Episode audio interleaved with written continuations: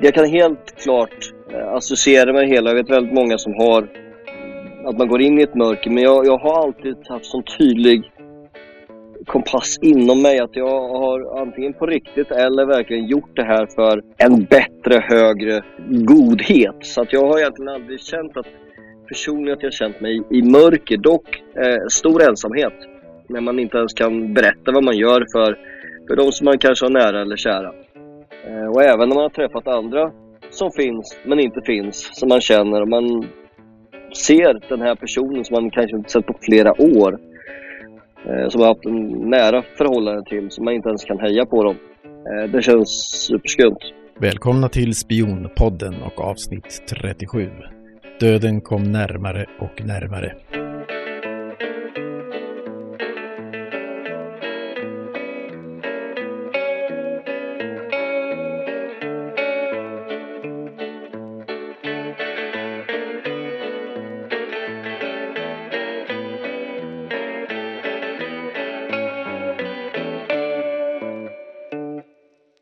Hej och välkomna till ännu ett avsnitt av Spionpodden. Och eh, idag har vi en väldigt speciell gäst. Jag vet personens namn men personen vill helst vara anonym. Så att eh, det här är en erfaren person ifrån underrättelsevärlden, mångårig sådan. Och, eh, men jag låter väl nästan eh, personen berätta lite grann själv. Vem, vem är du? Ja, vem är jag? Jag är en eh, svensk person som har väldigt mycket erfarenhet av att eh, vara i andra ställen eh, runt om i världen. Och eh, likt eh, många så har jag en gång i tiden gjort värnplikten och sen fastnade i systemet och trivdes alldeles utmärkt. Och eh, ja, man klättrar i, i graderna och ansvaret ökar. Och eh, jag hade en, en tydlig punkt då jag började göra mer och mer saker utomlands eh, som hänger ihop då med eh, underrättelsetjänst som vi, som vi kommer vidare in på.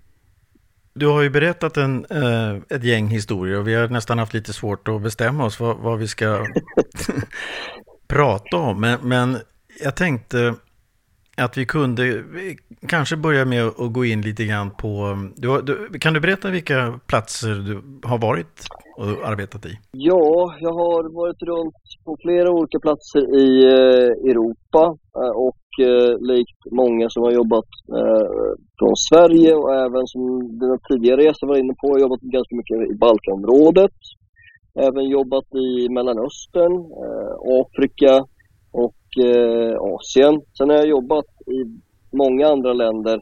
Om vi pratade också nämnde att jag även jobbat med inhämtning av information för företag.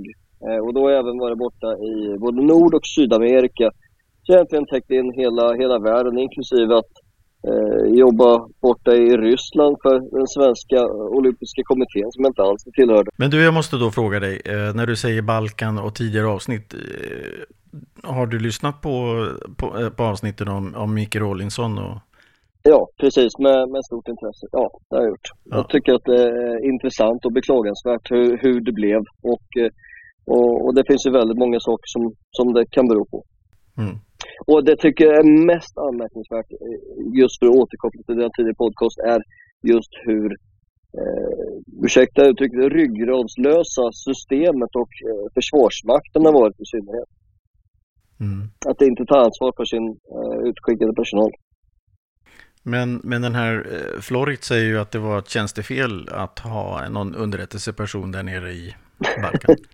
Ja, jo, men eh, det, det, får han, det får stå för hans åsikt. Och nästan alla eh, personer som är utskickade på en högre eh, position inom till exempel Försvarsmakten eller Utrikesdepartementet departementet har oftast informationshämtningsfrågor eh, mot polisen eller mot militären. Inte alls, handlar inte alls om att man ska vara spion utan det handlar om att man, man inhämtar små pusselbitar som tillsammans i, för bra analytiker kan skapa en bild. Eh, och man då kan skapa underrättelse av eh, öppen information oftast. Kan du försöka ge en bild av vad det skulle kunna vara för en underrättelsebild som skulle kunna behövas? Du kanske kan ta från din ja. egen erfarenhet av informationsinhämtning? Ja, vi kan ta, vi kan ta bara till exempel eh, när jag jobbade i bortåt eh, Pakistan, Afghanistan hållet då sammanfattade öppen information som fick en mycket komplicerad bild. Man använder helt enkelt data från öppna källor som tillsammans kan skapa en väldigt tydlig bild. Eh, och när den bilden sen blir så pass tydlig, för man lagt ner mycket tid och analys kring detta, att eh, flera andra nationers underrättelsetjänst vill jättegärna ha del av detta och, eh, och aktivt söker eh, en själv som möjlig källa. Men det är inte någonting som jag har, har jobbat med på det viset. Men man får ett väldigt stort värde om man bara kan lägga pussel av öppen information också och analysera på ett korrekt sätt. Så, så det handlar om att få in så mycket information som möjligt för att sen kanske värdera vad som är bra och dålig information? Ja, precis. Och, och det, bra och dålig information är någonting som kanske kommer in på sidan också. Det här med hur man får informationen. Att eh, om man betalar för informationen så, så kanske man får vad som helst medan man har istället ett, ett, ett, mycket stort förtroende. Att man kan få eh, mycket högre kvalitet på information till exempel. Det finns en väldigt stor eh, västerländsk makt som betalar bra för information men ofta sen inte så, så hög kvalitet som man kan eh, kanske få genom att använda andra metoder. Är det en makt som ligger väldigt långt västerut? Förhållandevis, ja. ja. ja. Men du, det här med informationsinhämtning till eh, företag och, och arbetade du då inom eh, Försvarsmakten? Nej, det var på andra, eh, på andra sätt som jag arbetade med just det. Men business intelligence är ofta inte riktigt det som man tänker på när man kommer från underrättelsetjänsten. Men den absoluta yttersta spetsen handlar ju såklart om, eh, precis likt underrättelsetjänstens eh, informationsinhämtning och eh, även på det finns ju väldigt många exempel då information inhämtas olagligt eh, om andra företag och så vidare. Eh, såklart med allt ifrån eh, datamiljön till eh, personliga källor. Eh, för det är ju otroligt stora värden inom industrin eh, för att få tag i allt från patent till eh, andra saker som eh, är eh, ja, skyddsvärda men som oftast inte skyddas för att det är människan i regel som är den svagaste länken och inte alls medveten om värdet av informationen. Kan du ta något exempel? Bra fråga. Nej, jag, jag passar på den frågan. Men, men just, jag har jobbat ganska mycket även borta i Kina och Kina är väldigt duktiga på eh, inhämtning av information och eh, återanvändning av information. Eh, jag har varit i många olika större städer där, där man kan se att sånt som eh, produceras och uppfinns i västvärlden eh, massproduceras där på en helt annan skala med otroligt annorlunda pris prisbild bara för att de helt enkelt har kunnat eh, kopiera olika koncept. Och jag inte, syftar inte på Kina som nation eller specifika företag, jag bara menar själva konceptet. Eh, också mycket produktion ligger där från första början så att de har egentligen alla blueprints för allt de behöver och önskar eh, utveckla. Och på väldigt många sätt så är eh, även Kina väldigt mycket längre fram än vad någon i västvärlden skulle vilja erkänna. Vi, vi, jag har faktiskt spelat in ganska nyligen ett avsnitt om eh, atombomben. Apropå mm, det här mm. med mm. företagsinhämtning. Ja. Och, eh, det, det, där var det ju väl att, att ryssarna tjänade flera år på att få dem att överlämna USAs hemliga information om, om atombomben. Ja, Så, ja jag tänkte spela, leka lite grann med ord, liksom, vad, hur och vad man ska klassa mig som. Jag skulle inte kalla mig själv som spion överhuvudtaget alls. Men vissa skulle göra det och det får vi lämna till lyssnarna att bedöma. Eh, utifrån vad jag säger om den här podcasten kanske, vad vet jag. Men en underrättelseofficer är väl ändå ganska bra titel, är det inte det? Ja, det tycker jag. Det, det kan jag ta på mig. Ja, för det är väl egentligen det det, det handlar om i, i, i stora drag. Ja, precis. Ja. precis. Och, och framförallt eh, jobba då mot eh, ja, militär eller mål som är intressanta för militären eh, runt om i världen. Kan du ge något exempel på det? Eh, ja, till exempel eh, när man då jobbat eh, för icke-militära organisationer, men dock haft eh, militära eh, intressenter på hemmaplan så att säga, så har man kanske fått eh, jämföra med de som har gjort lumpen, en, en spaningsfråga helt enkelt. Att man, man ska rapportera på eh, observationer inom en viss organisation eller eh, vissa individer eller vissa nyheter eller eh, till och med till den grad att om man tittar på högre nivå eh, hur, hur politiker beter sig i land. För det kan också vara ett väldigt stort intresse. Framförallt som Sverige nu eftersom vi tar den här podcasten på svenska. Sverige har väldigt många Eh, bidragsgivande intressen. Eh, och såklart affärsintressen runt om i världen. Och eh, staten spelar kanske en större roll många gånger än vad gemene man vet om. Sen så kommer inte den informationen till nytta för gemene man, men det, det, är en annan historia.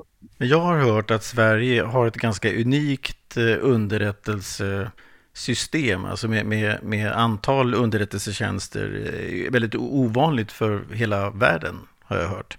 Mm. Är det något du kan berätta om?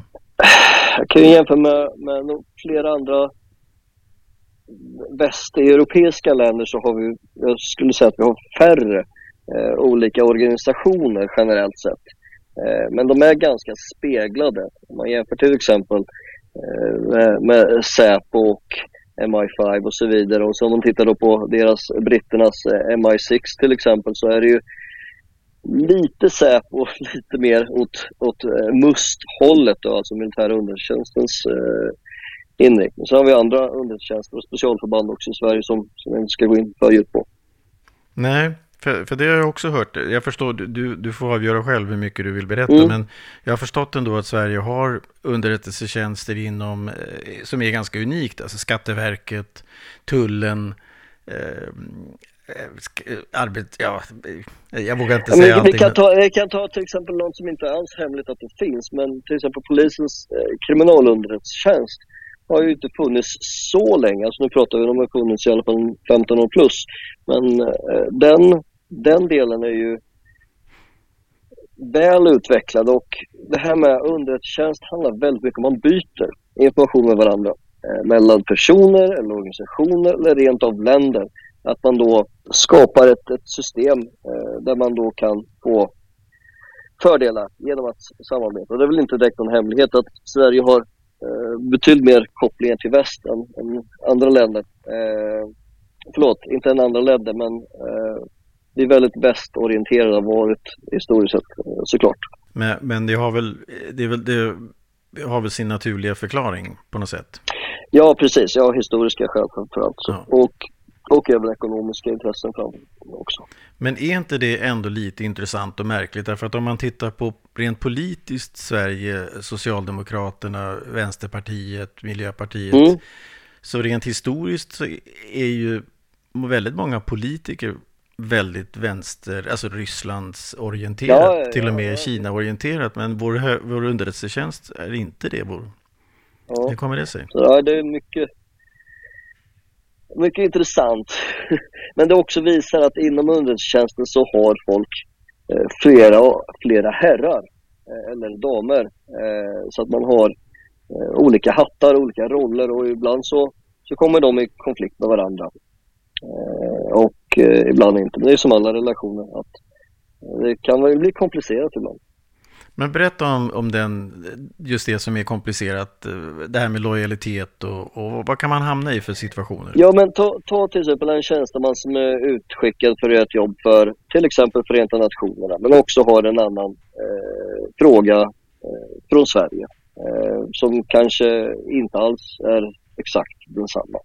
Eh, det är ett exempel på det. Eh, utan att säga för mycket. Det är inte så himla konstigt, men det är att man kanske är utskickad nästan rent av på något diplomatiskt uppdrag.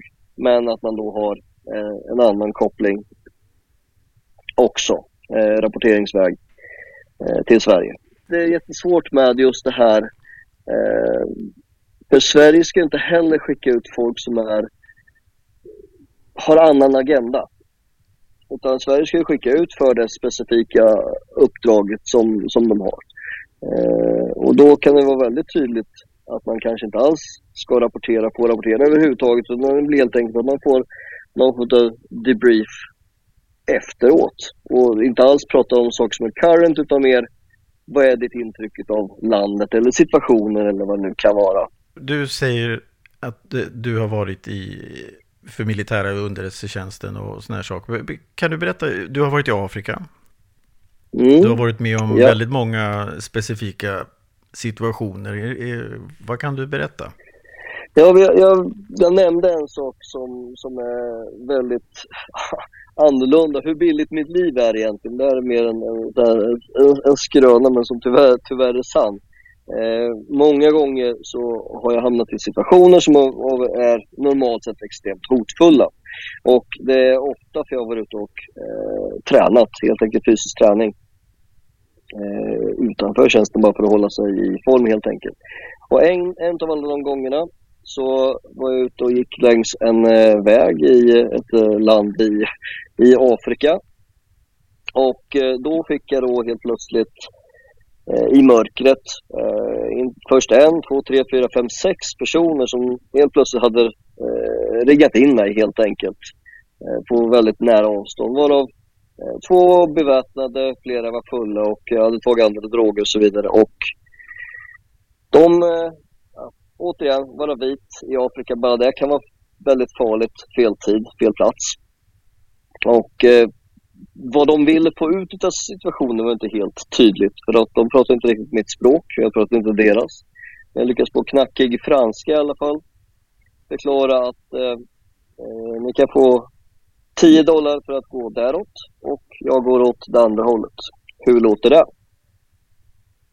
Och eh, de eh, började prata med varandra. Initialt ganska lugnt, mer eh, hetskt, senare nästan handgripligheter. Och de har ju som sagt eh, två stycken Kalashnikov åtminstone står och viftar med. Eh, och till saken hör jag att jag skulle ju mycket väl kunna med, med, med våld ta mig ur situationen. Men det var inte riktigt det som var min upp, uppdrag, uppgift eller, eller tanke. Eh, så jag försökte då prata mig ur det hela och till sist, så, till sist kom de fram till att okej okay då, då fick de 10, 10 amerikanska dollar och eh, de började röra sig åt ena hållet i mörkret, och jag rörde mig andra hållet och sen gick snabbare och snabbare, joggade, sprintade och sen till sist så var jag utom både skjut, syn och hörhåll. Så att, ja, man kan säga att jag var antingen väldigt billig, snål eller eh, ja, kalla mig vad jag vill. Men för 10 dollar köpte jag kanske tillbaka mitt egna liv eh, eller åtminstone en väldigt obehagligare situation som jag hade hamnat i. Eh, har du själv varit med om något liknande någonstans, Mikael?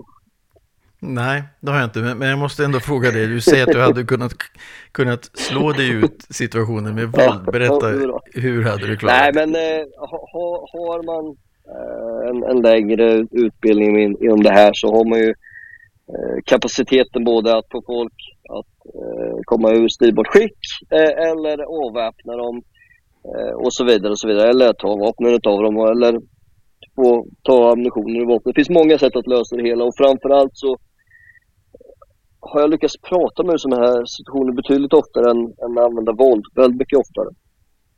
Och det är bra. Ja, det, det, brukar vara bra. Två Kalashnikovs är ju inte ja, det första man försöker slå sig nej, ur. Nej, men nej, men visste de vem du var? Nej, inte överhuvudtaget. Vit man i mörkret. Eh, de visste inte alls vem jag var. Och jag vet inte vilka de var. Två hade polisuniformer, två hade militäruniformer och två eh, civilklädda. Och vem var du i den här situationen? Eh, jag var i den situationen inte ens i en militär roll, utan jag var där i en civil kapacitet eh, i det här landet. Jag jobbade med mer mot eh, bär, ja, ja, NGOer, uh, Non-Government Organizations. Uh, NGO är alltså sådana här frivilliga uh, volontärorganisationer ja, som hjälper ja, folk? Precis, precis, eller, eller kopplat mot FN eller någon annan organisation liknande så. Ja, precis. Ja, det, det, låter, det låter dramatiskt. Eh, ja. Och, och, säkert någonting som är väldigt obehagligt. Men hur kommer det sig att du hamnade i Afrika? Ja, i grund och botten så alla sådana här eh, sorters jobb eh, bygger fortfarande på ganska mycket initiativ från individen. Det vill säga att du som individ eh, söker helt enkelt eh, tjänster eller platser och så vidare. Det finns ju Försvarsmakten sedan många år en, en plikt att du som officerare helt enkelt blir pekad på och att du får åka. Samma sak för en soldat egentligen, om du är anställd. Ehm, eh, men den, de här sorters roller är i regel eh, så specialiserade så att eh, man kan nästan välja vart man vill åka i världen. Och det är inte så himla många som är kvalificerade och ut tagna. Så att jag hade kunnat stanna eh, väldigt många år till och gjort liknande saker om jag hade önskat. Men eh, en orsak till att jag valde att sluta var att helt enkelt eh, döden kom närmare och närmare. Eh, och jag satt med en underrättelseofficer från ett annat land någonstans i, i Mellanöstern. Ett land som haft väldigt mycket terroriststämpel på sistone. Och eh, på kvällarna efter tjänstens slut så tittade vi på olika, eh, ursäkta uttrycket, spionfilmer. En den ena efter den andra och det visar sig att var, i varenda film, sju dagar i sträck, så antingen dog hjälten, eller med andra ord spionen, eller spionens familj, eller alla nära och kära, eller alla tre utav de eh, exemplen. Det vill säga, det fanns egentligen aldrig eh, en happy ending eh, som, som ledde till att och spionen levde lycklig alla sina dagar. Och eh, vid, eh, vid tidpunkten så, så hade vi också Eh, jag hade nyligen haft flera medlemmar från min egna grupp. Eh, mindre ett år tidigare hade flera eh, dött i tjänsten. Eh, och det är inte så himla vanligt att det händer. Så när det händer och händer upprepade gånger och även andra bekanta på andra platser som, som då förlorar livet så blir man helt enkelt påminn om att jag kanske inte är odödlig. Eh, och andra saker i livet kanske är viktigare. Eh, men det tog ytterligare några år för mig att, att lämna slutgiltigt. Men eh, det var väl en, en liten eh, ja, uppvaknande egentligen för första gången efter många år inom tjänsten att ja, det här kanske man inte ska göra för alltid.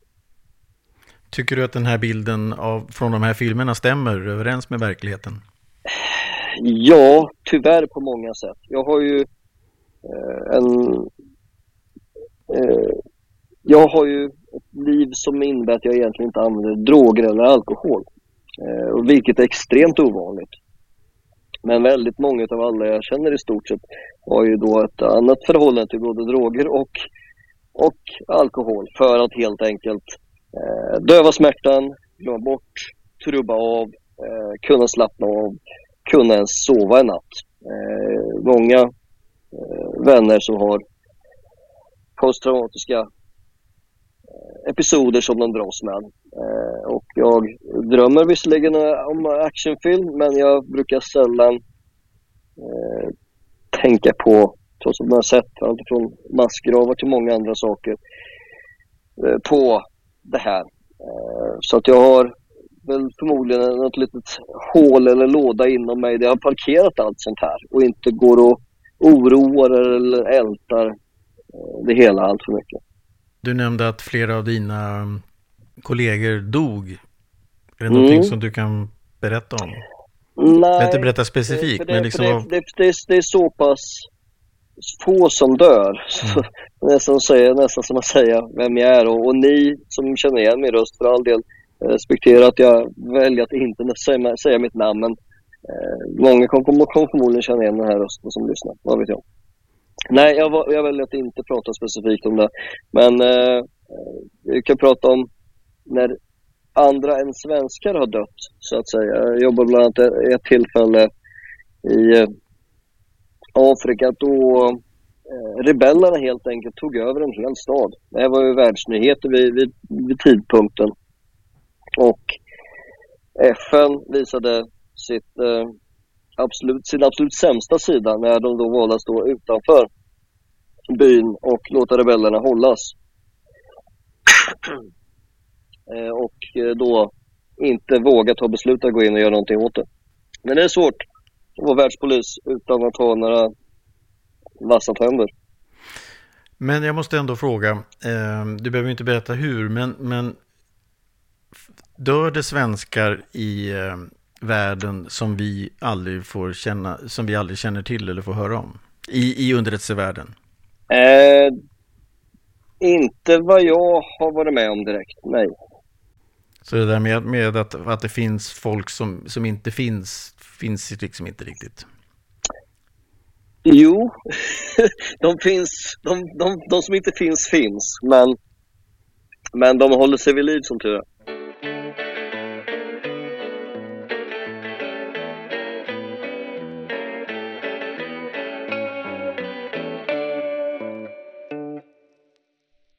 Nu fortsätter intervjun med den svenske underrättelseofficeren som gärna vill vara anonym med namn men förekommer med röst. Men jag fick en beskrivning som jag tyckte var ganska hemsk. Eh, mörk måste jag säga, inte hemsk men, men lite tragisk. Jag, jag återkommer till det här med, med hur man mår i, i den här branschen. För mm, mm. Jag kan inte säga att jag har pratat med någon som har en speciellt positiv bild i slutändan att berätta om det här livet. Mm. Eh, och jag fick en väldigt bra beskrivning av just Michael Rawlinson att, eh, från en av hans kollegor som sa att ja, men, man går in i ett mörker. Eh, och då menar han att, att man är borta i vissa perioder och då går man in mm. i ett mörker. Så man finns inte, man hejar inte på någon, man hälsar inte på någon, man klär sig som en ja, går upp i vikt, man liksom ändrar utseende och allting och, och så finns man mm. liksom inte. Jag, jag, förstår inte riktigt det där. Hur, hur ska man klara av en sån grej? Ja, det... Ja, bra fråga. Eh, jag kan helt klart eh, associera med det hela. Jag vet väldigt många som har att man går in i ett mörker. Men jag, jag har alltid haft sån tydlig kompass inom mig att jag har antingen på riktigt eller verkligen gjort det här för eh, en bättre, högre eh, godhet. Så att jag har egentligen aldrig känt att personligen att jag känt mig i mörker. Dock eh, stor ensamhet. När man inte ens kan berätta vad man gör för, för de som man kanske har nära eller kära. En del skumma återförenanden också med, eh, med släkt och vänner och så vidare när man då har helt enkelt varit borta. Eh, och även när man har träffat andra som finns men inte finns, som man känner. Man ser den här personen som man kanske inte sett på flera år, eh, som har haft en nära förhållande till, som man inte ens kan heja på dem. Eh, det känns superskumt och det har hänt med flera olika eh, operatörer runt om i, i världen att eh, jaha, det var han. Var han i det här landet? Det visste jag inte. Ja. Ja, men det där måste du, du måste utveckla det där lite grann. ja, jo, jag hade, hade jag har, har vänner som jag jobbat med i många år och eh, där man då helt enkelt har jobbat med olika projekt eh, och på den vägen då kommit långt ifrån varandra. Och eh, eh, så till den grad att jag kan helt enkelt inte hitta vissa av mina eh, bekanta längre. Där de helt enkelt har försvunnit inom det svenska systemet också. Eh, det kanske låter helt eh, som science fiction för många av lyssnarna men men det är inte så himla konstigt egentligen. Tänk, jämför med vilket som är i de amerikanska filmerna. Där man då har haft en, en roll kanske mot organiserad brottslighet eller någonting annat. Jämför med vittnesskydd. Det är så skönt att man kanske inte kan ha kvar samma namn. Helt enkelt skyddad, eh, skyddat namn. Kan vi inte bara stanna vid det här, det här tv? Ja. För det här tycker jag är, är väldigt eh, spännande och märkligt. Så, så, i princip menar du att, att en jättegod vän till dig som ni har jobbat tillsammans i flera år och så plötsligt så står ni bredvid varandra i, i det här är bara en hypotes, men ni står bredvid ja. varandra i, i kön och ska gå in på ett flygplan. Och ni står bredvid varandra men ni kan inte säga hej till varandra. Ja, så skulle det helt klart kunna vara. Varför kan man inte det? Eh, därför att eh, skydda den andra personens identitet till exempel. Är det, är det omgivningen man skyddar den ifrån då eller? Ja, det, det beror på vad det är för hot, hotbild och sannolikhet till exempel. Men hur vet du det? Jo, men till exempel att eh, om vi nu hade fortfarande i, varit i operationsområdet, det vill säga där man verkligen ska vara hemlig och okänd och så vidare. Så ett sätt är då att inte kännas vid varandra. Det vill säga, jag har haft exempel när jag då har haft eh, väldigt stort helskägg för att helt enkelt ge ifrån mig eh, mina, min ansiktskontur. Och det här pratar vi om långt innan det här med ansiktsigenkänning var så stort. när man helt enkelt visste att främmande makt dokumenterar samtliga personer som kommer ifrån de här flygplanen i de här områdena hela tiden. Och att då i den situationen kontakta någon annan som de kanske redan har som en känd person. Då har du indirekt bekräftat den personen och den egna kopplingen också. Så helt enkelt, eh, bara på ren logik så kan de bara bygga mönster och så vidare. Precis som om skulle ses inom eller utanför tjänsten. Eh, och det är ju ganska lätt också. Väldigt många ses ju på barer och restauranger och så vidare. Samma sak där, det är väldigt lätt att, att bygga mönster eh, på det här viset. Och då kan man då kanske inte träffa dem man skulle vilja träffa, tyvärr. Men se, har man något sorts tecken till varandra? Till exempel om du, om du råkar hamna bredvid en person? Ja, precis. Ja, men det är väl snarare bara ett, ett ögonkast eller en superdiskret nickning typ. Så att jag vet att du finns. Men den nickningen betyder så mycket mer. Att bara, vad roligt att du var här. Vad gör du här? Men vad konstigt. Eh, det har jag inte sett på länge. Allt det där är bara ett halvt ögonkast. Som inte ens kan vara ett riktigt ögonkast. För då är det ju alldeles uppenbart också. Det kanske låter lite väl hemligt och mystiskt det jag beskriver här. Men, men det finns många personer, dock exklusiv skara, som är så hemliga så att eh, de, är, de måste bete sig precis som jag beskriver. Men om vi, om vi går till det här med, med eh, informationsinhämtning, kan du förklara lite mm. grann, eller berätta om en, en situation där, där du var med om att hämta information och varför, i vilket syfte? Och, om du skulle... Ja, vi kan gå, gå tillbaka in på en, en rent vanlig klassisk militär operation som då inte alls är speciellt hemlig. Men väldigt ofta så används militära medel för att kunna eh, ja, strävja brottslighet till exempel. Så att då ha eh, en, en form av inhämtningscykel där man då tar, man spanar på ett objekt eller flera objekt. Man, man eh, ser till att man vet vad de har för tider som de opererar, vilka platser de besöker, vilka personer de hänger ihop med. Eh, kanske till och med vart pengar kommer ifrån och så vidare.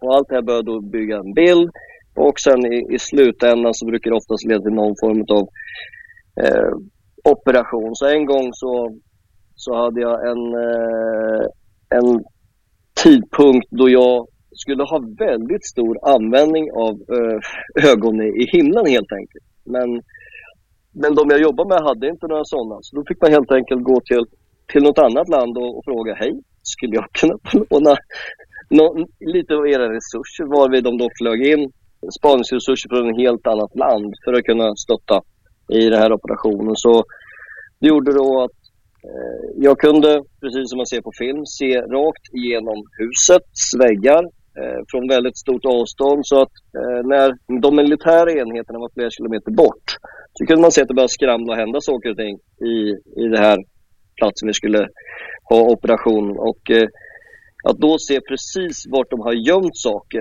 Eh, det känns lite fuskigt att kunna säga till enhetschefen att den ni letar efter ligger i den här delen i det här huset. För det var där de gömde det för tio minuter sedan. Eh, otroligt fascinerande, spännande, upphetsande. Allting i, i ett. Eh, och att du är helt utan våld med bara militär övermakt egentligen kunna stoppa eh, organiserad brottslighet i det här fallet. Eh, superhäftigt. Eh, många sådana exempel man då har stoppat tyngre organiserad brottslighet. Det är en av orsakerna också att jag inte vill eh, gå ut med namn på den här podden. Vad, vad är för dig eh, organiserad brottslighet? Jag har redan nämnt att jag har jobbat i, i, eh, i Balkanområdet. Eh, det kan vara till exempel droger, människohandel, varor och så vidare som, som då militära medel används för att stävja eller minska eftersom den delen av, av Europa är en inkörsport mot resten av Europa. Så att många saker försöker man stoppa redan där. Så, så Balkan är, är verkligen en sån eh, plats? Ja, det är fortfarande det faktiskt, på många vis. Eh, en, en inkörsport för allt från droger till eh, vapen till människosmuggling och andra saker. Och nu pratar jag inte om det som du pratade om på tidigare poddar utan det här är utöver detta. Mm, eh, jag, jag, har ju hört en hel del om organhandel. Eh, jag, som tydligen ska förekomma ganska mycket och som har tydligen gått om eh, lukrativa eh, narkotikaaffärerna. Eh, att det är mer pengar i omlopp vad det gäller organhandel än, än narkotika. Jag kan inte riktigt få ja, det att gå ihop. Det, det, det är faktiskt något som jag inte har jobbat med överhuvudtaget. Eh, men det är intressant att säga det. För många kan jag väl tänka mig att man inte riktigt har trott eller tror att Sverige håller på med den här, att håller på med informationsinhämtning. Men, men, uppenbarligen så gör de ju det och nu pratar vi om organiserad eh, brottslighet. Då måste det ju vara någonting som har att göra med, med smuggling av varor som har med pengar att göra. Ja, ja precis. Jo, visst är det så. Och eh, också att flera olika länder då vill försvara sig själva så tidigt som flytta fram sina försvarslinjer eh, helt enkelt eh, närmare målet. Då. Så, och det är väl en orsak till varför det finns eh, militärer även i Afghanistan fortfarande. Eh, på grund av droger. Och sen en annan eh, så geopolitisk är såklart det finns eh, andra och mer oljeinriktade intressen från den andra väst, västvärlden. Mm. Men berätta för en okunnig, vad, vad har militär, svensk militär med eh, varusmuggling, människor och vapen att göra? Uh, ja, de, eh, de är på plats. Polisen har inte så himla mycket att sätta till. Uh, I den här efterkrigstiden som har varit ganska lång så har olika försvarsmakter jobbat med återuppbyggning, återuppbygga samhället men framförallt också minska eh, kriminaliteten. Till exempel att köra vapensöksoperationer, minska antalet vapen, stoppa smuggling, stopp, göra det svårare eh, att, att flytta varor eh, som då inte är tillåtna. Men samtidigt så har det varit väldigt ofta en komplicerad bild då kanske till och med vissa av den politiska ledningen har haft eh, ja, tvivelaktiga kopplingar eh, och så vidare eftersom många av de politiska ledningen kanske har haft eh, krigsförflutet eh, och helt enkelt eh, kanske de militära framgångar som har lett till den, de politiska situationen. Och så är det, det här är ganska vanligt i många olika länder att helt enkelt militär makt används för att sedan bli politisk makt. Utan att därför vara en regelrätt kupp, utan helt enkelt bara att använda systemet för att eh, ja, berika sig själv på något vis. Mm. Du, du, berättade om det här med, med, att ni fick hjälp ifrån främmande makt eh, och kunna titta in i, i, i ett hus. Mm. Vad, vad, mm. vad, betalar man för en sån tjänst? Nej, jag betalar ju ingenting överhuvudtaget. Eh, förtroendekapital eh, och relationer helt enkelt. Eh, och sen då att eh, om, om jag har någonting i sin tur som jag kan Eh, erbjuda legitimt som min organisation som jag representerar kan återgälda. Så, så är det såklart så som man eh, gör. Eh, och eh, det handlar om, som jag antydde förut, att, man, att det är tjänster och gentjänster helt enkelt. Att man, man byter eh, med varandra. Det är ett sätt eftersom Sverige sladdar inte omkring och betalar för underrättelser som jag antydde tidigare utan man inhämtar det på andra, andra sätt. Ja, det är tjänster och, tjänster och gentjänster. Ja, ja, precis. Ja, precis. Mm. Vad är Sverige bra på då som andra, andra vill ha? Bra fråga. Jag måste tänka ett ögonblick. Vi är bara allmänt uppskattade faktiskt. Svenska varumärket de, är, ganska starkt. Alltså, vi, vi är trovärdiga i, i världen generellt sett. Och eh, folk litar på svenskar i en högre utsträckning. Kanske än många andra nationer som är representerade. Men, men har de fog för det då? Det är ju ner på individbasis, men jag, jag, har, jag har positiva erfarenheter av de jag har jobbat med. Helt klart. Eh, står högre i, i klassen än många andra nationer som då var mer tvivelaktiga. Också det här med eh, kulturen av att inte vara van med mutor den är ju väldigt unik i världen också. Eh, där svenskar inte riktigt alls är vana vid att varken erbjuda eller ta emot mutor. Vilket jag själv uppskattar. att det, det är så. Men det gör också att det blir väldigt komplicerat om man jobbar i, i ett värdland som, som väldigt mycket förväntar sig det. Hur kan man då jobba runt det när man som naiv svensk inte vill betala inte ens någonting alls för att någonting ska kunna fungera? Det låter som eh, Ericsson. Ja, Nej, men apropå Ericsson och flera andra stora företag. Det är otroligt stora pengar som det handlar om helt enkelt. Eh, om vi nu stannar kvar vid själva, inte mutbranschen utan informationsinhämtningsbranschen. Det är otroligt stora värden. Det finns en otroligt stor kommersiell sida som skulle kunna utvecklas ytterligare inom just eh, öppna källor och informationsförsäljning. Mycket mer än vad det är utvecklat. Den skulle kunna vara större den branschen. Men vad, vad, vad pratar vi om liksom? För, för... Vanliga företag gör sig inte huvudbryt ens att ta reda på vilka är konkurrenterna. Att göra en, en helt enkelt ordentlig analys av marknaden innan man börjar göra någonting, det förekommer inte. Så det själva det här tänket och analysen och, och, och sammanfatta information och försöka dra slutsatser. Eller i den bästa av världar så använder man slutsatsen att försöka blicka in i framtiden och förutse någonting. Det är den absolut bästa underrättelsetjänsten som bedrivs så. Men den är väldigt ovanlig. Och det är inte så himla många som som eh, vågar sätta sin stämpel på sitt arbete, vågar sticka ut hakan och de som är duktiga på det här kan ta otroligt bra betalt för sina tjänster. Berätta, vad, vad är en, en sån tjänst till exempel? Till exempel skulle ge mig tusan på att ta reda på någonting om ett företag eh, och ta, anställa några konsulter och helt enkelt skapa bara en, en, en, en rapport på en, ett, ett, område som kanske helt, nu pratar vi helt öppen informationsinhämtning, men att göra det systematiskt skulle förmodligen kunna sälja en sån rapport för flera hundratusen kronor eller kanske många, många miljoner. Beroende på hur specifikt och vad det gäller. Och nu pratar jag inte om en som någon som kommer industrispionage, jag pratar bara om att söka information och sammanställa på ett, ett vettigt sätt. Men om man, om man kopplar det här då till den finansiella sektorn, att man då använder informationen för att helt enkelt jämför med insider trading helt mm. enkelt. Där du helt enkelt har samlat in information på ett otillbörligt sätt för att sedan använda den handeln, äh, använda det för att handla äh, aktier. Det är också någonting som syns mer i, i böcker än i verkligheten. Men det händer mycket mer i verkligheten än, än, vad, än vad framförallt polisen vet om. Polisen har inte alls resurser för att kunna kontrollera och stävja sådana här saker på nationell eller på global skala. Och det finns ju även exempel då där terrororganisationer har använt helt enkelt en, eh, en planerad attack och sen råkar kombinera det med att uh, sälja derivat, uh, köpa derivat som helt enkelt att man, att man tjänar på att börsen går ner till exempel. Eller specifika företagshändelser också. Det finns eh, sådana exempel. Men du nämnde en terrororganisation. Berätta för oss okunniga. Vad, vad... Ja, eh, det har jag också jobbat med i olika länder.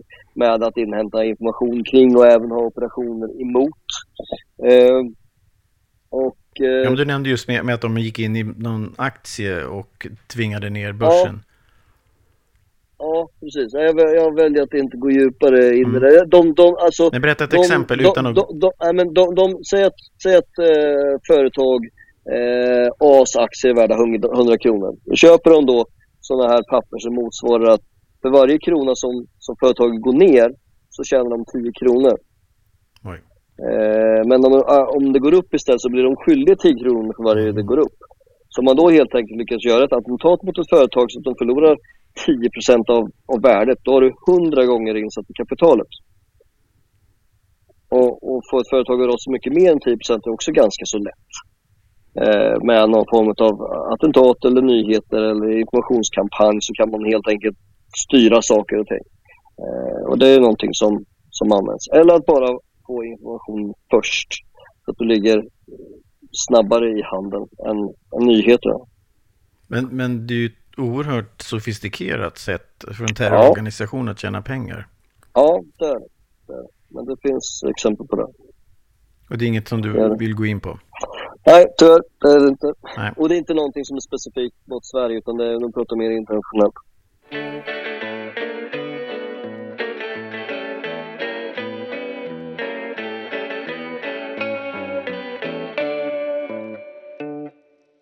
Det här med, med terrororganisationer och sånt där, har, har du arbetat med det? Ja, inte, Eller mot inte i dem, men mot dem. Så ja, det har jag, det har jag gjort. Eh, och eh, återigen det här, det är ju precis som krigshistorien att det är vinnaren som helt enkelt står där med ter terrorstämpeln. Så man kan ju börja med att diskutera, är de ens en terrororganisation eller är de ett politiskt parti eller är de en, en, eh, en ideell organisation? Men utan att lägga någon vikt vid, vid de sakerna så Ja, jag har jobbat i flera områden där, där det då har förekommit Eh, att det har varit starka organisationer eh, lokalt eh, där de, de även har blandat in sig i politiken eh, eller att de är långt in i den här organiserade brottsligheten som jag nämnde då att man kanske jobbar eh, emot. Eh, och även att man då har till den nivån då som man jämför med den från Irakkriget, det här med kort, kortleken helt enkelt nyckelspelen som man letar efter. Jag har jobbat i ett land då amerikanerna eh, var på mig hela tiden om, om någon information som var kopplad till den som var nummer ett på listan vid, vid tillfälle som då var bin Laden. Och helt bisarrt så har jag eh, så, så, har jag tränat bara några kilometer från de uh, hitta personen i fråga, när han bodde där. Uh, och det var, helt, det var helt slumpmässigt och det var inte riktigt varken sanktionerat eller ändamålsenligt att jag var där just då. Eh, utan det var bara ren, ren slump. Och, eh, Finns det en slump verkligen? Jag vet inte. Jag tror ju på att man skapar sin egna tur.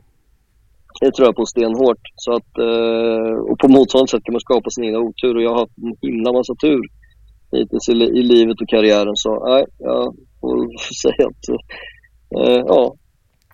Nej, det, det, det, just om man tittar på väldigt eftersökta personer så, så sätts det otroliga resurser på det. Och eh, det gör då att inte bara världens underrättelsetjänster kommer dit utan det kommer även folk som, ja, jämför med helt enkelt bara på gamla västerntiden, Bounty Hunters som är där helt enkelt och, och, och, och jagar helt enkelt. För att det är otroligt, många, många miljoner på speldollar eh, för att hitta eh, specifika personer. Så att det finns organisationer utanför militära också som som bedriver underrättelseverksamhet.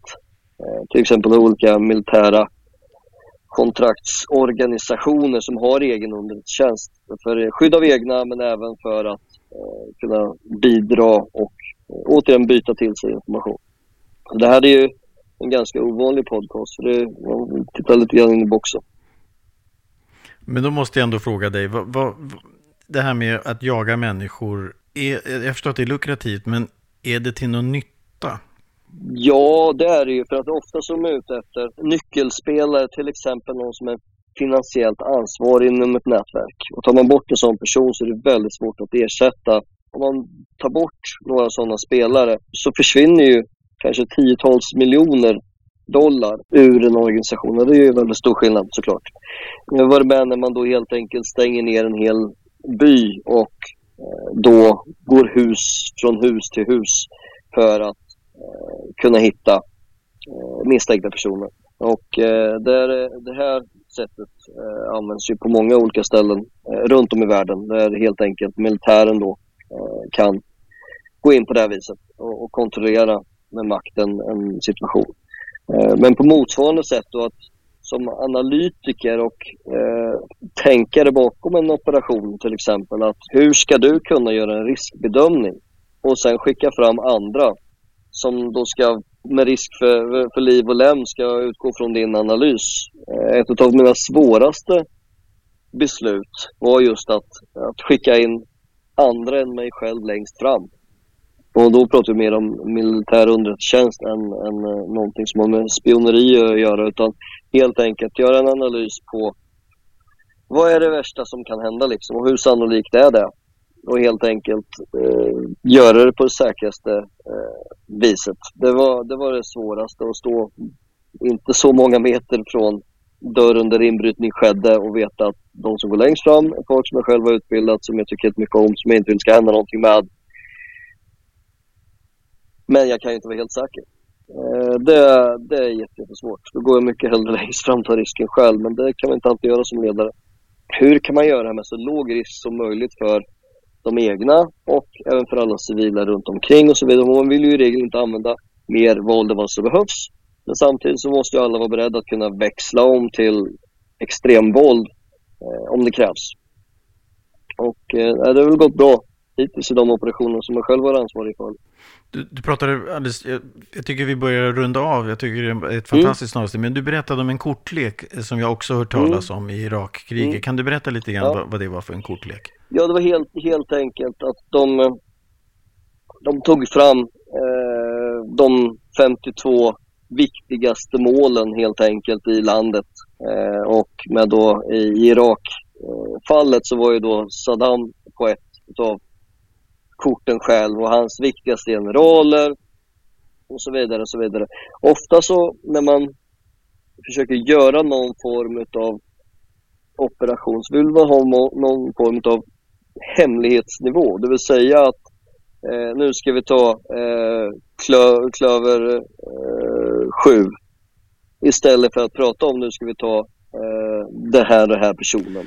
Men du, eh, jag tycker nästan att eh, det, det som känns väldigt spännande, eller det som känns väldigt skönt, det är ju det att du valde att hoppa av. Jag tyckte det var en väldigt fin historia, det här med, med när ni tittade på film och mm, du började mm. inse att mina liv håller på att ta slut.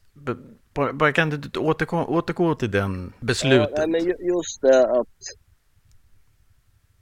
att man inte bara lever för sig själv.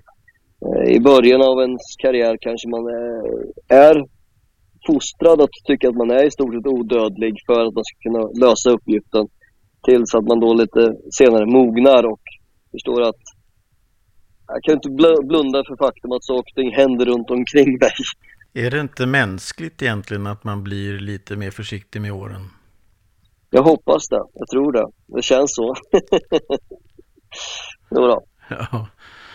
Nej, jag, jag, jag, tycker att det är fascinerande för jag, jag, kan inte, tyvärr kan jag inte jag hitta någon som jag har pratat med än så länge som, som har en väldigt positiv bild, som har varit med en längre tid.